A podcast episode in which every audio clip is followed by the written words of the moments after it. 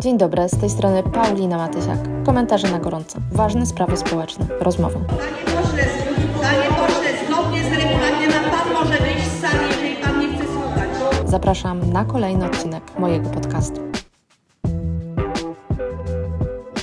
Minister Adamczyk nie ma lekko. Ledwo przycichła dyskusja dotycząca podwyżek cen biletów w Intercity, na horyzoncie pojawiła się kolejna skandaliczna sytuacja. Jak się okazało, nowy rozkład jazdy, którego korekta wyszła w życie kilka dni temu, 12 marca, zaskoczyła nie tylko pasażerów, ale i kolejarzy. Minister wyciąga wnioski po poprzedniej styczniowej dyskusji, w której wytoczył nieprawdziwe i absurdalne argumenty i cóż, teraz siedzi cicho. A może nie ma po prostu pojęcia całej sytuacji. Najwyższa pora, by minister infrastruktury Andrzej Adamczyk zainteresował się tym, co dzieje się na polskiej kolei, bo czarna seria ministra Adamczyka trwa. Najpierw wysokie ceny w Intercity, teraz problemy w PLK. Co będzie następne? No właśnie, a co dzieje się obecnie? W dużym skrócie i jednym zdaniem. Spółka PKP PLK, zarządca Narodowej Sieci Kolejowej, przygotowała taki rozkład jazdy, który jest niemożliwy do zrealizowania. Jak mówi członek zarządu spółki Mirosław Skubiszyński, poniedziałek zderzyliśmy się z sytuacją, z którą się zderzyliśmy. Jak to możliwe? Jak to możliwe, że pociągi wyprawiane są na niewłaściwy tor? Takie dwie sytuacje miały miejsce na stacji Warszawa Zachodnia. W ciągu tylko trzech dni dyżurni ruchu skierowali na tej stacji pociągi w niewłaściwym kierunku. Czy otrzeźwienie przyjdzie dopiero, kiedy dojdzie do tragedii? Utrudnienia na warszawskim węźle kolejowym są najbardziej dotkliwe dla pasażerów Mazowsza, którzy podróżują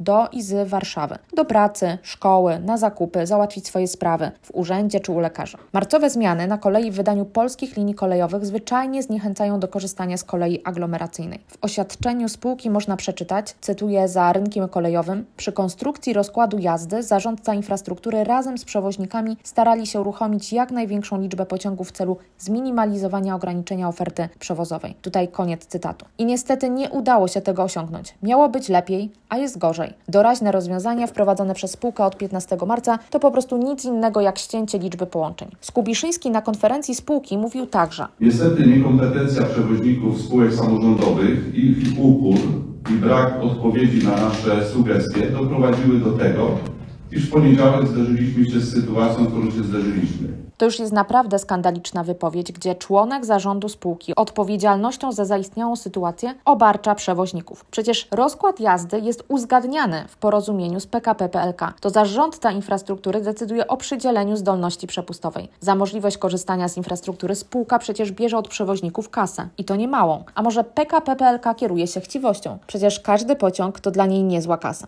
Jak widać, kiedy przychodzi co do czego, to własną niekompetencję spółka Polskie Linie Kolejowe próbuje zasłonić decyzjami spółek samorządowych. A jak ta historia na ten moment została rozwiązana? Spółka PKP Polskie Linie Kolejowe podjęła decyzję o czasowym zawieszeniu kursowania wybranych pociągów nowo powstałej linii S40 warszawskiej szybkiej kolei miejskiej. Jak informuje zarządca infrastruktury, powodem są utrudnienia, które się powtarzają w ruchu na stacji Warszawa Zachodnia. Zarządca infrastruktury PKP PLK odwołał 16 pociągów kolei mazowieckich, a w przypadku 7 skrócił ich relacje. Była to arbitralna decyzja PLK bez zgody kolei mazowieckich. I tutaj trzeba przypomnieć, że pociągi linii S40, które obsługują w tygodniu trasę Piaseczno-Warszawa Główna, ruszyły po raz pierwszy w poniedziałek 13 marca. Co dalej? Czy odpowiedzialni za zaistniałą sytuację poniosą konsekwencje? W 2010 roku wyciągane były bardzo poważne konsekwencje personalne, w dodatku za dużo mniejsze problemy dla pasażerów. Wtedy został odwołany minister odpowiedzialny za kolej, Juliusz Engelhardt. Uzasadnieniem tego odwołania były problemy związane z prowadzeniem w grudniu 2010